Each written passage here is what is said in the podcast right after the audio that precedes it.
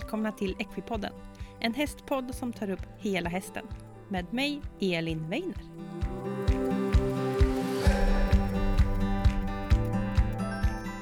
Hej alla fantastiska Equipodden-lyssnare och eh, välkomna till ett rykande färskt avsnitt av Equipodden. Onsdag och såklart så finns jag i dina lurar och du kan lyssna på ett nytt avsnitt. I det här avsnittet så fortsätter vi med lite novemberserien med det fantastiska Anna Nordin. Anna som eh, jobbar som mental coach, dressyrryttare och eh, VE-ryttare och instruktör och är ju så fantastisk med att dela med sig av så otroligt intressanta, spännande tips och tankar. Förra veckan så pratade vi om eh, ridrädsla och det finns också ett gammalt avsnitt av Equipodden som är nummer 40 där vi pratar om rätt mental inställning. Och idag så är dagens tema prestationsångest. Och eh, Anna berättar att faktiskt 90% av ens prestation när det kommer till hästar och ridning är mentalt. Och det är så häftigt. Så vad vi tänker, vad vi gör och hur vi agerar på våra tankar är mycket viktigare än vad man tror. Så och det är ofta man kan bli lite nervös och ibland kan bli mer nervös när det kommer till tävling och man får den här prestationsångesten. Kanske har jag en jättefin häst som jag borde göra någonting med fast jag själv kanske inte vill eller vågar. Eh, och så vidare. Så att vi ska prata om prestationsångest. Vad det är, hur det kan yttra sig, hur det påverkar våra hästar och vad man kan göra för att ta sig ur om man känner att man ändå vill komma ut och tävla och man känner att det blir för jobbigt, det blir för nervöst när man får den här prestationsångesten. Vad ska man göra då? Det kommer vi prata om i det här avsnittet. Så håll i er, nu kör vi igång veckans avsnitt med Anna Nordin.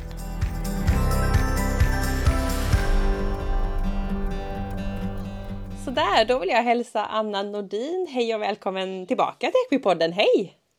Ja men tack så mycket! Avsnitt eh, två, du var ju med också förra veckan i Equipodden och då pratade vi om ja. ridrädsla. Och idag ska vi gå in och prata lite på prestationsångest.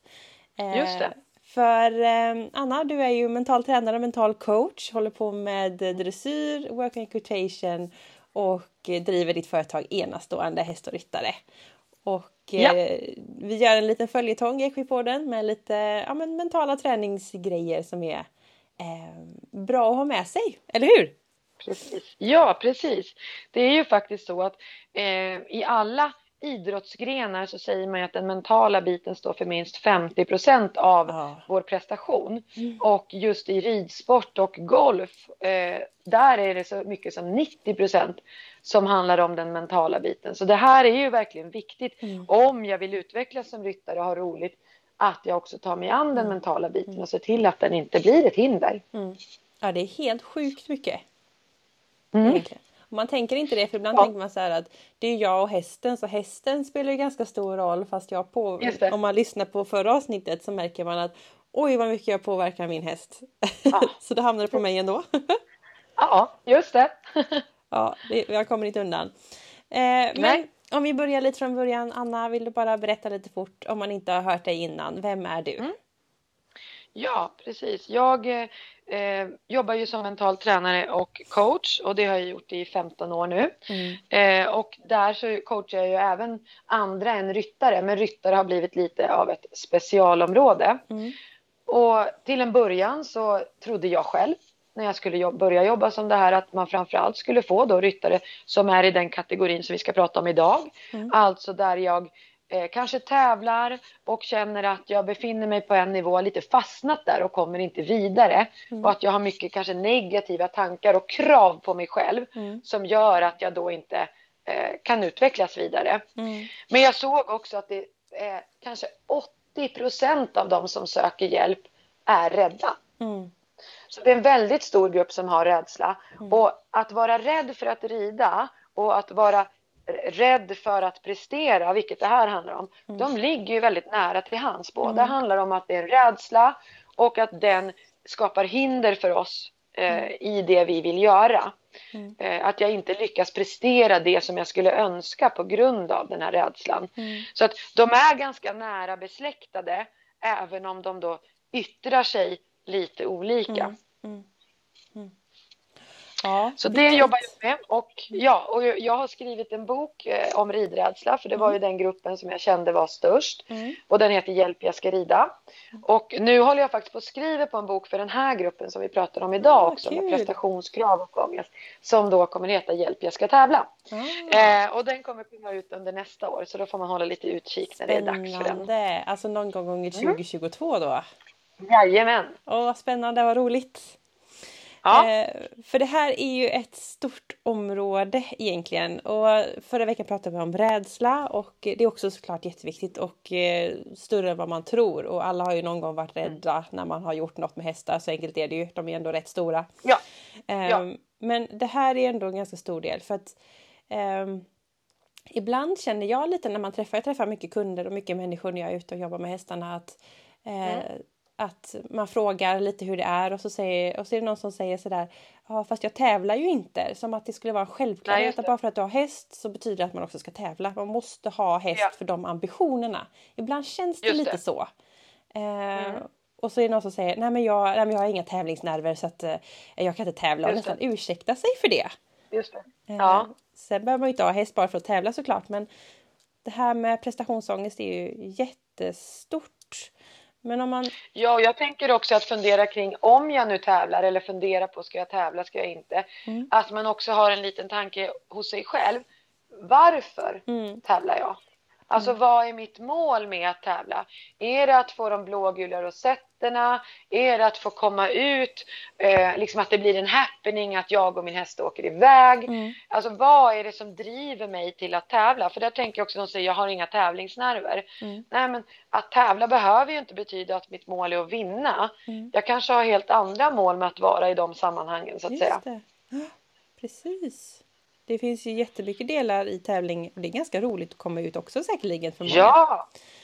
Jag vet, jag har eh, elever som egentligen skiter i hur det går mm. men tycker att det absolut roligaste man kan göra med sin häst är att åka på tävlingsmeeting och sova mm. borta. Mm. Och liksom hela det här, åh jag är med min häst dygnet runt och mm. jag träffar andra likasinnade som inte blir uttråkade för att jag pratar häst hela kvällen och så vidare. Och liksom skapar nya bekantskaper över hela Sverige genom att vara på de här tävlingarna. Och att det i sig är syftet, inte att få med sig en blågul rosett hem fantastiskt. Mm. Men om vi börjar försöka ta oss in i det här lite stora, lite svåra eh, svarta molnet som är prestationsångest. Ja. Om du bara får spontant berätta och liksom definiera vad är prestationsångest, hur kan det yttra sig och, och hur känns det och vilka situationer och så vidare. Ja, eh, och där, eh, jag tänker att ett vanligt scenario det är ju att jag upplever att när det verkligen gäller på en tävling, på en träning eller när det sitter folk på läktaren. Mm. Då upplever jag att jag inte eh, kan rida så bra som jag egentligen kan. Mm. Alltså att det går sämre i situationer där det är viktigt för mig att det går bra. Mm. Då betyder ju det, för att så bra som jag kan rida när jag rider som bäst, så bra kan ju jag alltså rida. Mm. Rent teoretiskt sett så är, skulle jag kunna rida så bra 100 procent av tiden. Mm. Så varje gång jag inte rider så bra så är det ju någonting som hindrar mig. Mm. Och väldigt ofta så startar det med en tanke. Mm. Eh, och det kan till exempel vara, nu jävlar får jag inte klanta mig. Mm. Eller, åh nu måste jag visa vad vi kan. Mm. Eller, gud vad min häst blir seg när jag kommer på tävling. Alltså, det börjar i någonting och sen upplever jag då att när, jag skulle, när det var viktigt för mig att prestera bra då lyckades jag inte med det. Eh, så att det skulle jag liksom säga är mm. grundkännetecknet för det här. Mm. Mm. Och precis som du säger här, det kan komma vid tävling eller träning eller att några bara råkar stå på läktaren ja. och titta eller vid staketet när man rider. Det har man själv känt någon gång. Oj, oj, nu gäller det att det ser bra ut. Eh, ja, och det kan också vara en sån här grej. Jag kan inte rida när det blåser. Det är ju också en form av prestationsångest. Att jag har bestämt mig för att om det är blåsigt väder då kan inte jag rida mitt bästa. Nej, just det. För då går det kanske det inte så bra. Det blir också en stor begränsning. Mm. Nej. Mm. Mm. Ja, intressant. Och, och liksom, om vi börjar hos människan lite så här. De mm. som du möter, Vad, vad, vad får de för tankar och känslor eh, och vad leder det till med att få prestationsångest? Ja, eh, alltså om vi tar tävlingsexemplet då. Mm. Eh, då är det ju många gånger så att eh, det går bra hemma mm. Eh, på träning och sen vill man ut och visa världen mm. på tävlingen. Liksom. Mm. Och det här med, med ekip eh, och att resultaten finns på nätet. Det är ju en sån där grej som verkligen skapar prestationsångest. Mm. För att då vet ju alla att alla kan se efteråt hur det gick. Mm. Och jag, de tittar på mitt resultat men jag får inte försvara mig. Mm. Jag kan mm. inte berätta att det landade en luftballong på banan medan jag red eller vad liksom. Mm. De ser ju bara den där kalla siffran på hur det gick. Mm. Och det här skapar ju gärna då att redan innan jag går in på banan säger shit nu måste det gå bra. Mm. För det här kommer synas i ekip. Och där har vi också folk som då när man rider dressyr till exempel så eh, märker de att nej, men det här kommer inte bli någon bra procent. Man märker det när man börjar närma sig slutet på programmet att eh, jag hade lite väl mycket missar. Mm. Då sträcker man upp handen och utgår. För jag har hellre en utgått i ja. resultatlistan i Ekip än att det står att jag fick 52 procent. Ja, precis.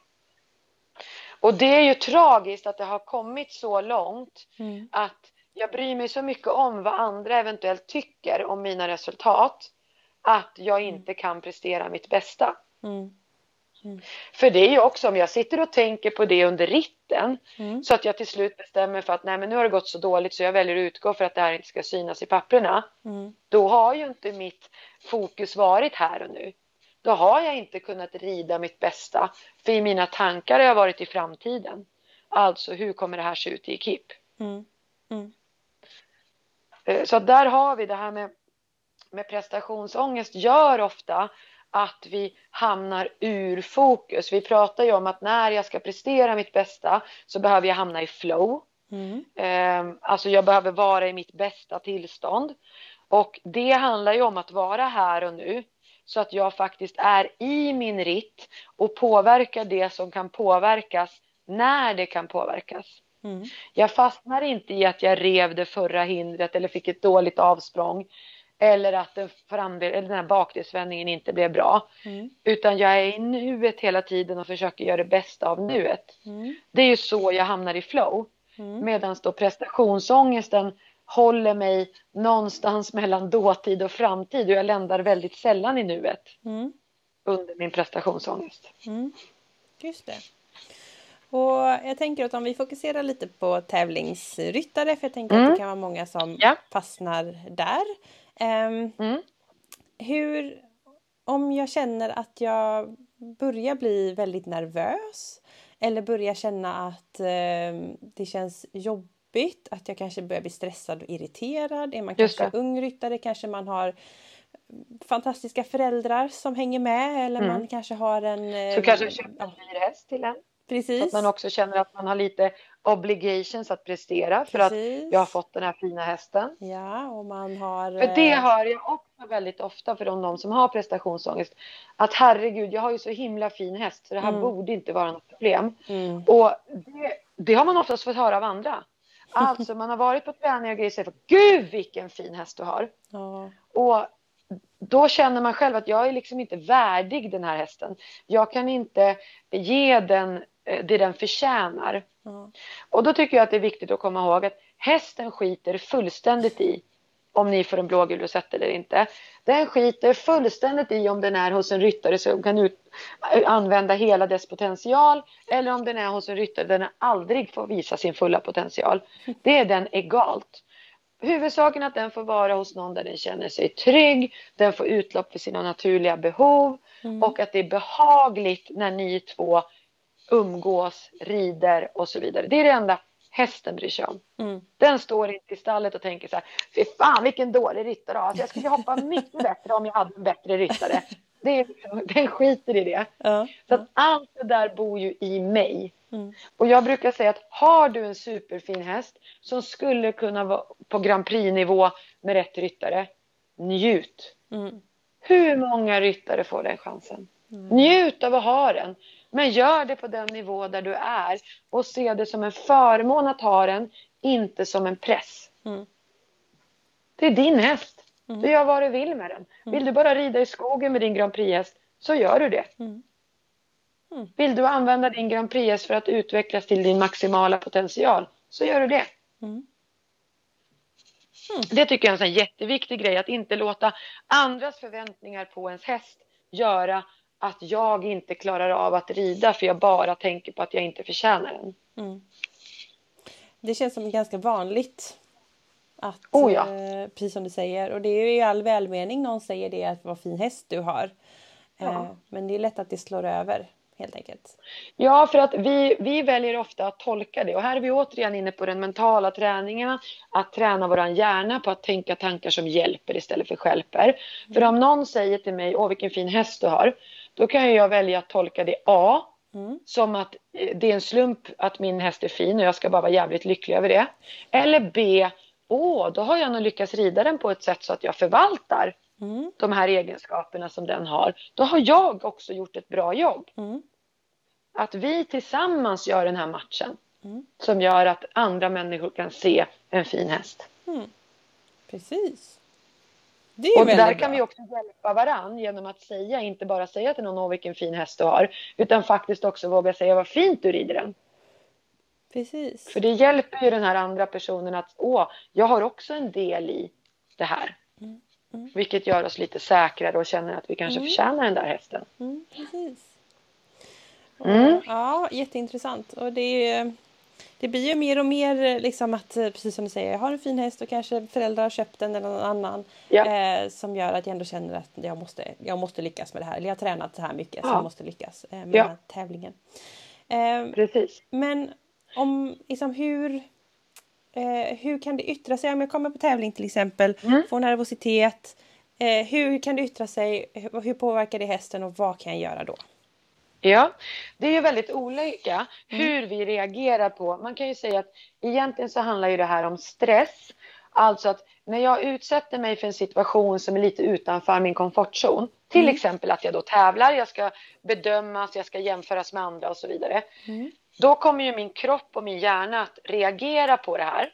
Och hur de reagerar det är lite olika från person till person. Mm. Någon blir ju aggressiv som du nämnde, man börjar bli lättretlig mm. både på sin häst och på folk i omgivningen. Mm. Någon annan kanske får lite tunnelseende och varken hör eller ser de som är runt omkring. Mm. Någon tredje börjar svettas ymnigt, någon fjärde börjar kräkas. Mm. Alltså hur vi reagerar på ökad stress mm. är väldigt individuellt.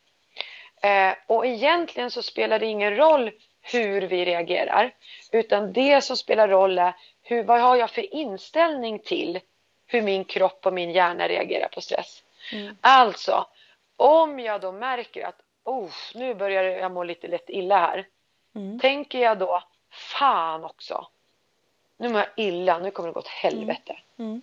Eller tänker jag, mhm, nu mår jag illa. Det betyder att det här är viktigt för mig. Vad roligt, nu vill mm. jag göra mitt bästa. Mm. För hur jag reagerar på de här symptomen kommer ju avgöra vad de får för effekt på mitt beteende. Mm. Alltså på min ridning. Om jag anser att de här att, åh fan också, nu är det kört.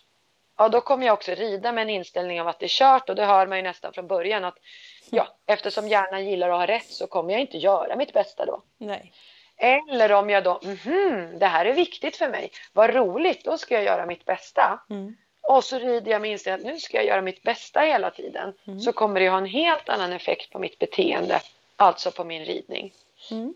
Så att dels handlar det om att vad har jag för inställning till att jag märker att jag blir då det vi kallar för nervös. Mm. Sen har vi ju vissa som säger så här, men jag blir aldrig nervös. Jag älskar att tävla. Mm. Det är bara det att det, inte, ja, det går inget bra när jag tävlar. Min häst blir så sjukt trög. Eller, ja, det, det, det är det och det som är fel. Mm. Eh, och då kanske jag är en person som inte kopplar ihop mitt ökade, min ökade anspänning med nervositet. För att vara nervös är något negativt för mig. Mm. Och jag som är en presterande tävlingsryttare, jag håller inte på med sånt. Mm. För det vet jag att presterande tävlingsryttare ska inte vara nervösa, för då kan man inte prestera Precis. bra. Ja. Eh, vad vi väljer för ord, därför pratar man ju oftast om anspänningsnivå istället när man pratar mental träning. För det ordet är ju mindre laddat och kanske lite mera sanningsenligt. Mm. För när jag ska prestera mitt bästa, då behöver jag ju också ha en viss anspänningsnivå. Mm. Jag kan inte liksom ligga i soffan och sova och tro att jag ska rida mitt bästa samtidigt. Utan det behöver vara en viss anspänning. Och den här anspänningsnivån, när den är lagom, mm. när vi pratar om att vara lagom nervös, då har jag ju nått en anspänningsnivå där jag har skärpt mina sinnen. Mm. Alltså jag ligger lite över det normala så att jag reagerar lite fortare. Jag mm. är lite starkare, jag är lite snabbare, jag tänker lite smartare. Mm. För jag har mina sinnen på topp. Mm. Och det är där jag hittar flow. Mm. Om jag sen går vidare och kommer förbi det här läget, alltså jag får ännu högre anspänning, mm. då kommer ju min prestation att sjunka igen. Därför att då är anspänningsgraden så hög så att jag blir lite stel i rörelserna, mm. jag blir lite långsam i tanken, mm. jag får lite för många liksom, andra tankar som stör ut de där som gör att jag kan prestera. Mm. Så både om jag ligger för lågt i anspänning och om jag halkar upp för högt i anspänning så kommer ju det göra att jag inte kan prestera mitt bästa. Mm. Så jag behöver lära känna mig själv. Hur är jag när jag presterar som bäst? Och ofta har vi ju något scenario, antingen inom ridningen eller inom det privata, när jag har känt att då, jävlar vad bra jag var. Ja. Och att man tänker tillbaka på det tillfället och funderar på, ja men hur var jag då då? Mm. Hur var mitt kroppsspråk? Vad tänkte jag för tankar? Hur red jag där när jag lyckades så där bra? Mm. För där har jag ju en ledtråd på vad som är lagom nervös för mig. Mm. Och när jag vet hur det här känns då kan jag ju leta efter det tillståndet och jag kan också känna om jag har hamnat ovanför eller under. Mm. Så att jag vet att ja, men nu behöver jag antingen sänka min anspänning eller höja min anspänning för att hamna i det här bästa läget för just mig. Och det är viktigt att komma ihåg att det finns liksom inte ett läge som är det bästa för alla. Utan vi har våra egna kurvor. Och det märker man till exempel om man rider i lag. Så kommer vissa ryttare vara mest bekväma med att rida först. Mm. Så att de vet det gör ingenting om det inte går bra för mig. För de andra kommer efter, de kan rädda upp det här. Mm. Och det finns andra som gärna rider sist. Mm. Och som inte gör sitt bästa förrän allt hänger på dem. Ja, precis. Alltså, du vet, alla andra rider bra, ja då rider de ingen bra runda för det var inte så viktigt. Nej. Men om det är så här, shit, shit, shit, alltså du vet nu är vi så nära att vinna. nu måste du verkligen leverera. Ja. Allt hänger på dig. Ja. Och då går de in och briljerar. för då skärps deras sinnen tillräckligt för att liksom ja, verkligen göra sitt bästa. Så att jag behöver ju lära känna mig själv. Presterar jag bäst med lite press eller med mycket press? Mm. Och att sen skapa den situationen för mig själv. Mm. Och de som lider av prestationsångest, de hamnar ju då ofta för högt. Mm. Alltså jag hamnar på en högre anspänning än vad som är mitt bästa. Mm. Och då behöver jag ju lära mig, när jag märker att jag har hamnat för högt, hur kommer jag ner igen? Mm. Vad får mig att varva ner igen? Mm. Och då behöver jag ju känna igen det där läget när jag presterar bra för att veta vad det är jag letar efter när jag har hamnat förbi det. Mm.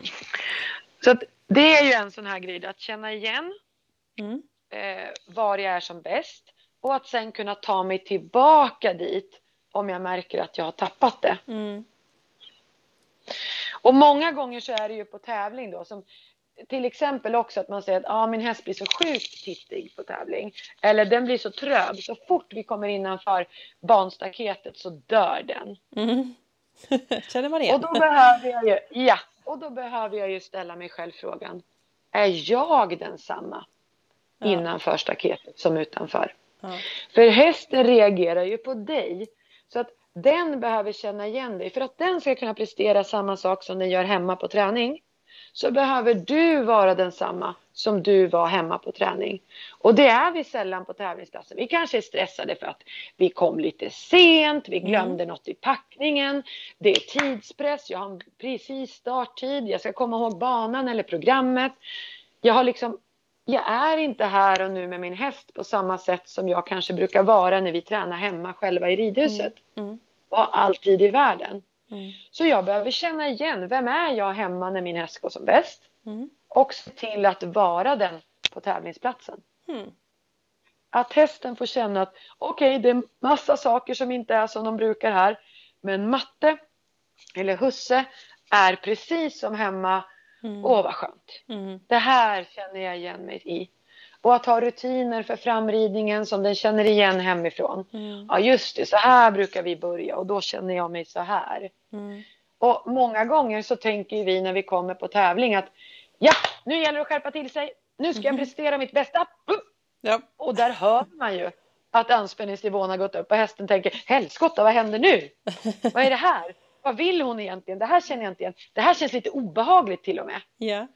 Och så börjar de bromsa. Ja. Alternativt börja titta. Är det det här staketet hon är rädd för? Ja. Eller vad kan det vara?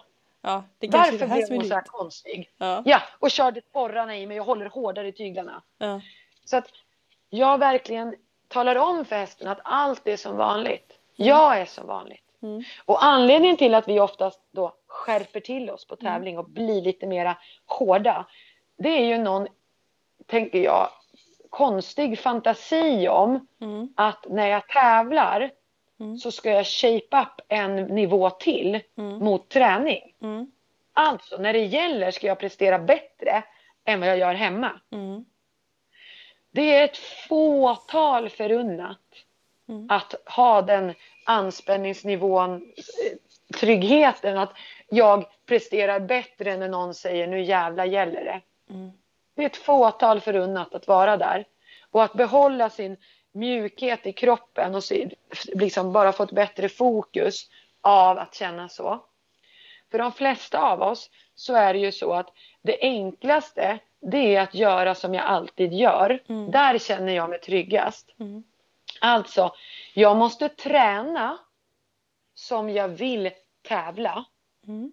Så att jag kan tävla som jag tränar. Mm. Det här är superviktigt att jag inte tror att jag ska rida på något annat sätt på tävlingen Mm. än det sättet jag har tränat på. För i så fall är ju det enda det betyder att jag tränar fel. Mm. Jag behöver ju träna på ett sätt som gör att jag kan prestera det jag vill på tävling. Så att när jag kommer till tävlingen så behöver jag bara, inom citationstecken, göra det jag gör hemma. Mm. För det är också så att det här har man också kollat eh, då i forskning och sett att på tävling lyckas du prestera 80% av det du gör på träning, då är du liksom maxat. Jaså. Är det så? Så att jag får ju, ja, att jag får ju inte förvänta mig då att jag ska förändra något när jag tävlar och på det sättet klara mer. Nej, precis. Utan ju närmare jag kan vara det jag gör på träning, desto bättre kommer ju resultatet på tävling vara. Så Mm. länge det går bra på träning naturligtvis. Men det är ju det, de flesta säger till mig att ja, jag fattar inte, det går så sjukt bra när jag tränar och på tävling funkar ingenting. Nej. Då säger jag det, då är det antingen så att det som du tycker funkar bra på träning inte är tillräckligt bra för att räcka till på tävling. Mm. Alltså att min, mina glasögon är fel. Mm. Eh, och det kan ju ha med tränare och så att göra också. Att, att de kanske säger bra, den där öppnaren är perfekt.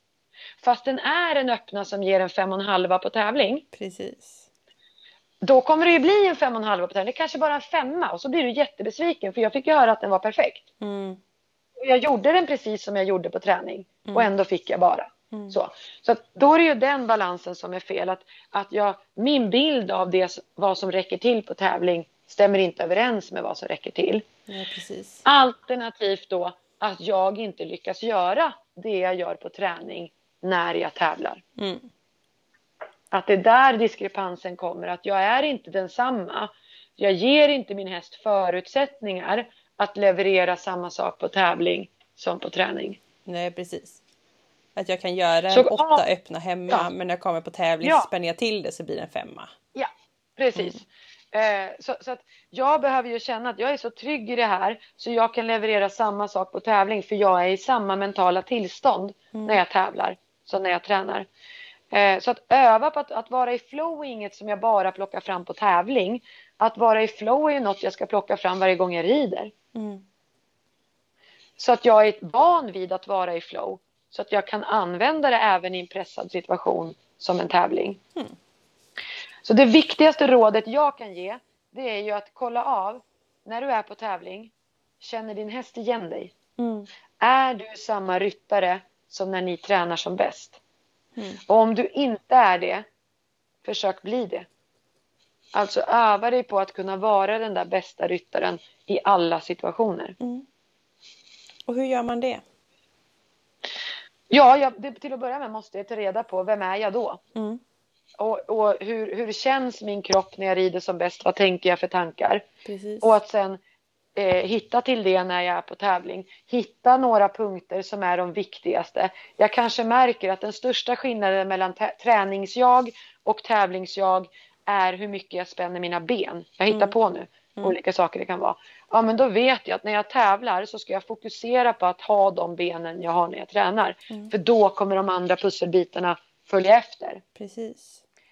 Eller jag märker att jag börjar plötsligt driva framåt i varje steg när jag är på tävling. Mm. Medan hemma så gungar jag bara med hästen och sitter i takten. Mm. Ja, då är det det jag behöver hitta eh, när jag kommer till tävlingsplatsen, att vi får samma gung.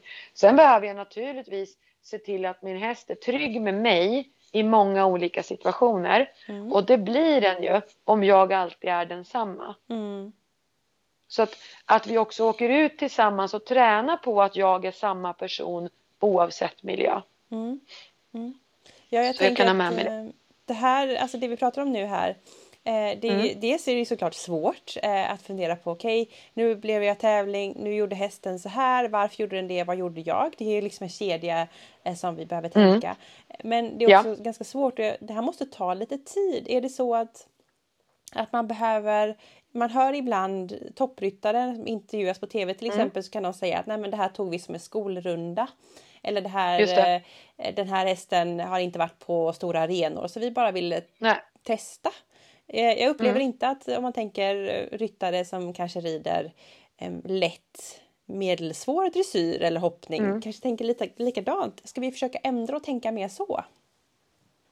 Ja, och framförallt så tänker jag att, att man, om jag har som grundmål, om jag vet att vi presterar på den här nivån när vi är hemma och tränar. Mm. Som vi sa i början då, om jag kan prestera på en viss nivå vid ett tillfälle så kan jag ju egentligen göra det i alla tillfällen. Mm. Och då gäller det att jag ser till att jag tränar mig till att jag kan göra det i alla tillfällen. Mm. Och vi behöver alltid komma ihåg att våra hästar, det är en lagkamrat som är ofrivillig. Mm. Alltså den har inte valt att delta. Eh, och det är inte naturligt för den att delta heller. Att vara själv på en, en stor platt yta där man syns för alla sina fiender liksom. Och koncentrera sig på att göra någonting som inte alls låter mig ha uppmärksamheten på omgivningen. Mm. Det, är liksom, det är inte naturligt för dem. Och det är inget de frivilligt har valt. Utan jag har valt åt min häst. Och då är det också mitt ansvar att min häst uppfattar det här som någonting behagligt. Vi kan inte eh, vi vet inte om hästar kan känna så åh vad kul det var. Mm. Eh, för de saknar ju som vi pratade om i andra delen, den delen av hjärnan där de här avancerade känslorna är. Mm. Men jag kan åtminstone ta ansvar för att min häst känner att det är behagligt att mm. följa med mig till tävlingsplats. Mm. Att den förstår vad jag vill av den när den är där. Att jag ställer inga konstiga krav som den känner sig att den inte klarar av att utföra eller att den inte förstår vad jag vill. Mm. Utan vi har en kommunikation där den känner sig trygg med mig och det jag vill att den ska göra. Yeah. Så jag behöver känna att jag är den personen som hästen vill vara med. Mm. Jag inbjuder den till den här bubblan av flow på ett sätt så att den vill vara med mig i bubblan. Mm. Det är mitt ansvar. Så att blir jag nervös och av det blir kantig och irriterad och hård, mm. då inbjuder jag inte till någon bubbla som är mysig att vara med mig i. Nej. Då kommer jag få en häst som också vänder uppmärksamheten utåt. Den kan bli trög eller den blir superstissig och så vidare. Mm. Och då behöver jag allt. Jag kan inte lösa det om jag inte börjar med att vara trevlig att vara med igen. Mm. Så att det kommer hela tiden tillbaka till det här att jag jobbar med mig så att min häst vill vara med mig på tävlingsplatsen. Yeah. För om jag alltid blir annorlunda, konstig, svår att förstå när vi är på tävlingsplatser så kommer ju hästen ganska snart koppla ihop det.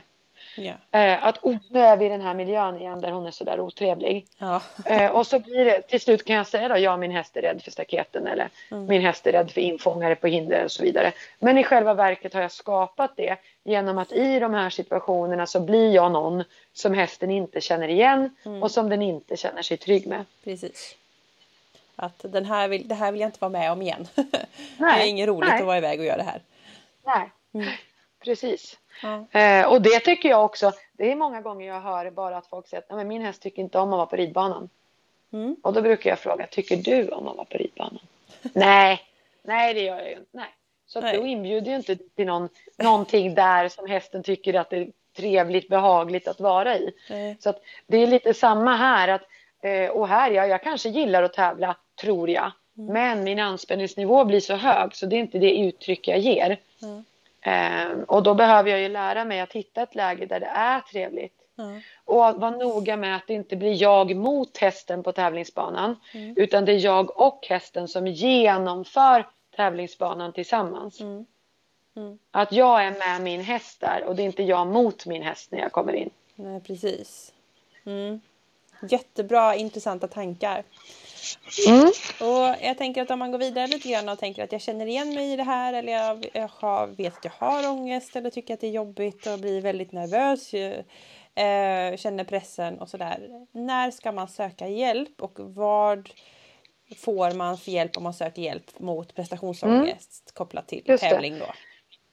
Eh, väldigt ofta så, eh, den, man brukar prata om att vi har en inre dialog. Mm. Eh, och det är egentligen allt vi tänker, alltså det mm. som vi inte säger högt. Eller även om vi pratar högt med oss själva. Ja. Vår dialog med oss själva, mm. den kan vara positiv eller negativ.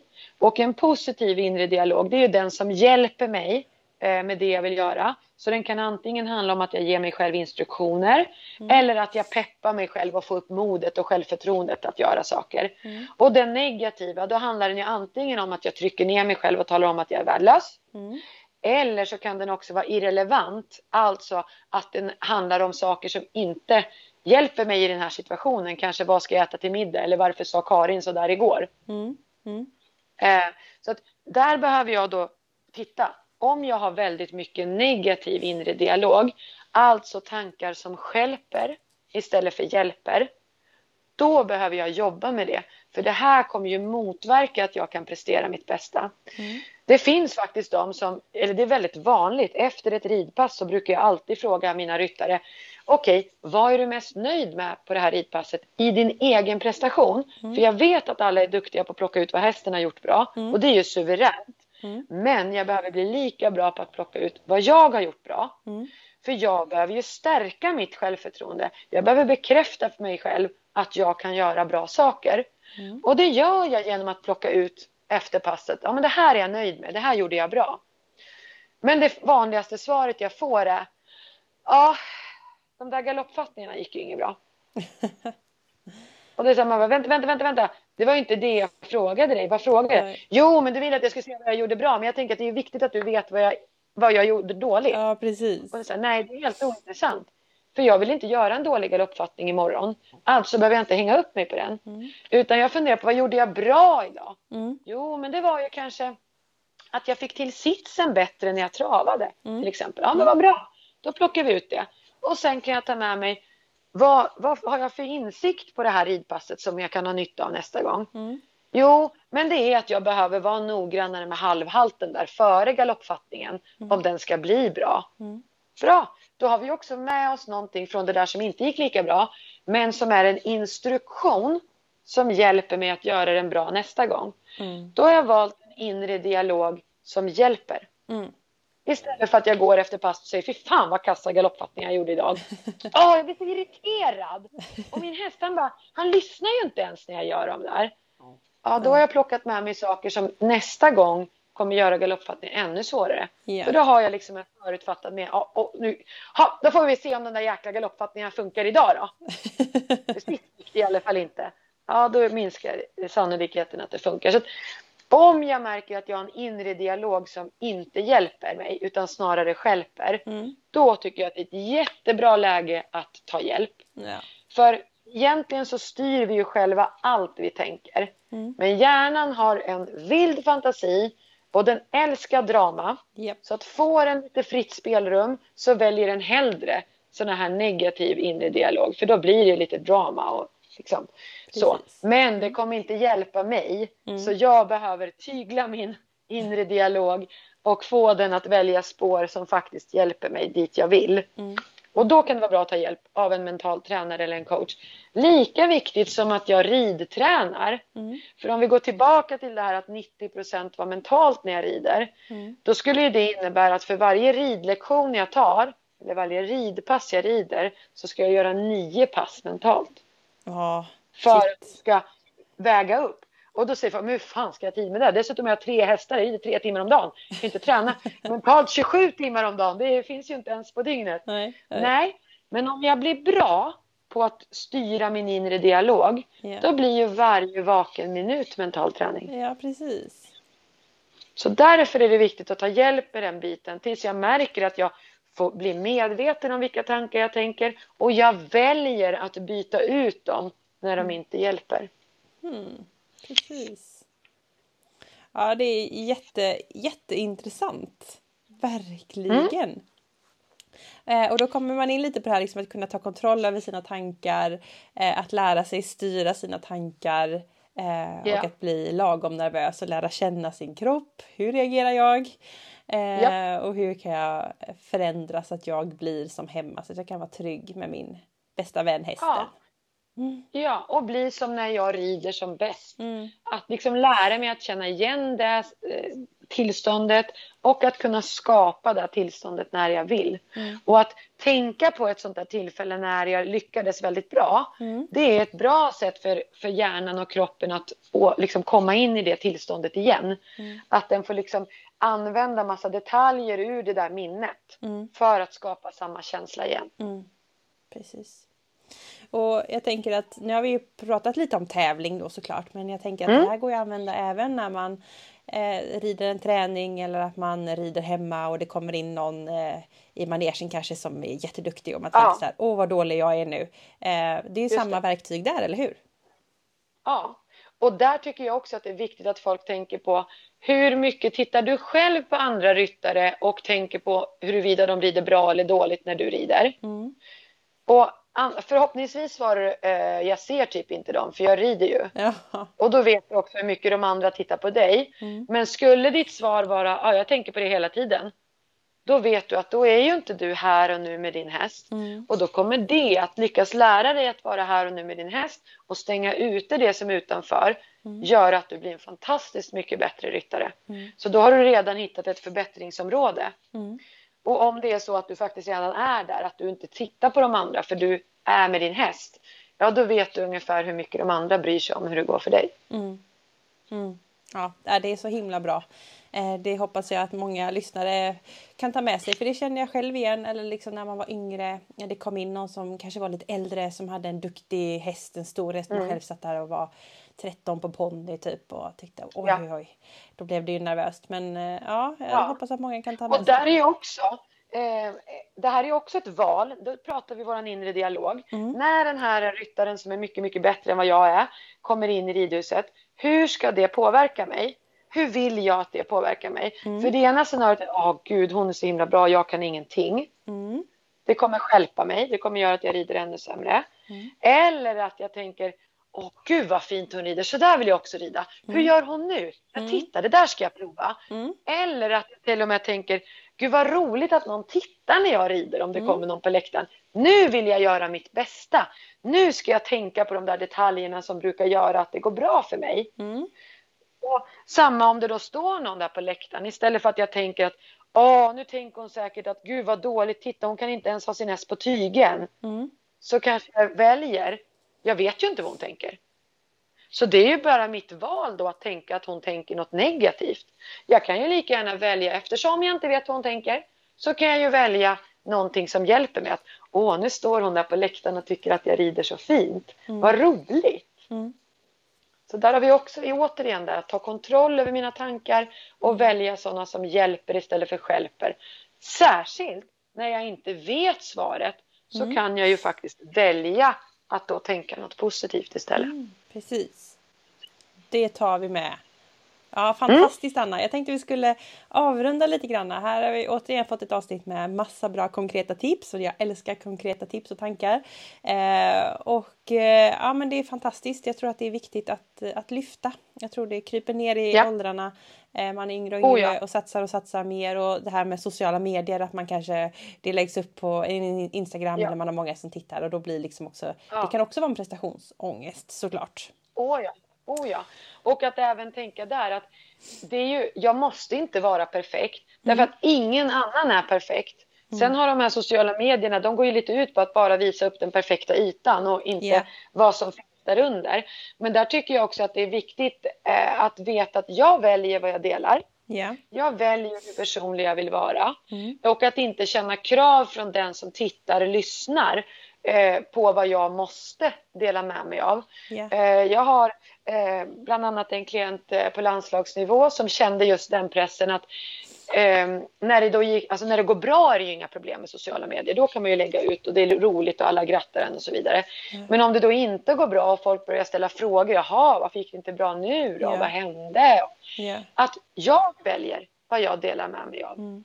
Och det är viktigt att eh, till exempel Ridsportförbundet, de har ju en eh, liten mall för hur man ska hantera media mm. om man då är en landslagsryttare och eh, blir ställd inför en intervju. Mm. Och det handlar ju mest om hur man hanterar dem efter en motgång för det är ju då yeah. det brukar vara jobbigt att träffa media. Yeah. Men jag tänker att man även som eh, liksom ryttare på en mycket, mycket lägre nivå, om man använder mycket sociala medier, mm. så kan man läsa det här så att man eh, tänker då att det sociala mediet är journalisten. Mm. Vad vill jag lämna ut? Jag behöver inte vara personlig. Jag behöver inte vara detaljerad. Jag kan säga, ja, den här gången blev det inte exakt som vi hade tänkt och eh, vi tar med oss eh, saker härifrån som vi kommer förbättra till nästa gång och eh, hoppas att vi kan prestera bättre då. Mm. Punkt. Mm. Jag behöver inte tala om att jo, men det blev si och det blev så och jag kände så här. Och. Utan att vi, vi väljer gränserna och vi väljer gränser som gör att jag mår bra yeah. och känner mig trygg i att prestera. Ja. Ja, det är fantastiskt. Det tror jag är viktigt att tänka så. Eh, faktiskt. Ja. Mm. Ja, jag men, har äh... inget ansvar gentemot dem utan jag väljer vad Precis. jag vill dela med mig av. Precis, mm. ytterligare det är ett nöje. Eh, och ja. det ska ge mig glädje. Just det. Precis. Ja men fantastiskt, jättebra. Tack Anna eh, för ytterligare ett mm. bra avsnitt här. Och om man tyckte det här var intressant och kände att wow, det här vill jag höra mer av eller jag vill eh, höra mer av Anna. Hur gör man då för att följa dig eller få kontakt med dig? Ja, precis. På Facebook så heter jag enastående häst och ryttarutveckling. Mm. Och på Instagram så är det enastående underscore Anna. Mm. Och sen så kan man ju också då gå in på min hemsida. Där kommer det också finnas sen när eh, den här boken kommer ut, Hjälp jag ska tävla. Yeah. Och då är det enastående.se. Precis. Och, där finns och det, det också... Skulle man vilja boka coaching så kan man också Exakt. få kontakt med mig där. Det finns lite information om att få coachinghjälp och, och så vidare. Och den här andra boken som vi pratade om mycket förra avsnittet, mm. Hjälp jag ska rida, om man känner att man har lite, lite rädsla eller eh, andra rädslor kanske ja. kopplat till häst. Och ja, för att det är också så att den, den, eh, det är även andra mentala hinder som prestationsångest. Mm. Eh, som vi sa så är de ju väldigt nära besläktade. De yttrar sig lite olika men hur man kan jobba med dem och hantera dem är väldigt närbesläktat. Mm. Så att har man lite lågt tålamod och vill redan nu få hjälp via den här boken så kan man ju även när man har prestationskrav och den typen av hinder eh, få hjälp av Hjälp jag ska rida-boken. Yeah. Så att då går det bra att beställa den i väntan på den andra. Precis, då kan man smygbörja lite granna. Precis. ja, nej, man får men... bara byta ut alla ord om rädsla till prestationskrav så kommer man Precis. få väldigt mycket hjälp av den. Mm. Precis. Ja, nej men fantastiskt. Då säger jag tack så jättemycket Anna för att du vill vara med Equipodden. Ja, och tack för att jag fick vara med. Det är alltid lika roligt. Ja, tack.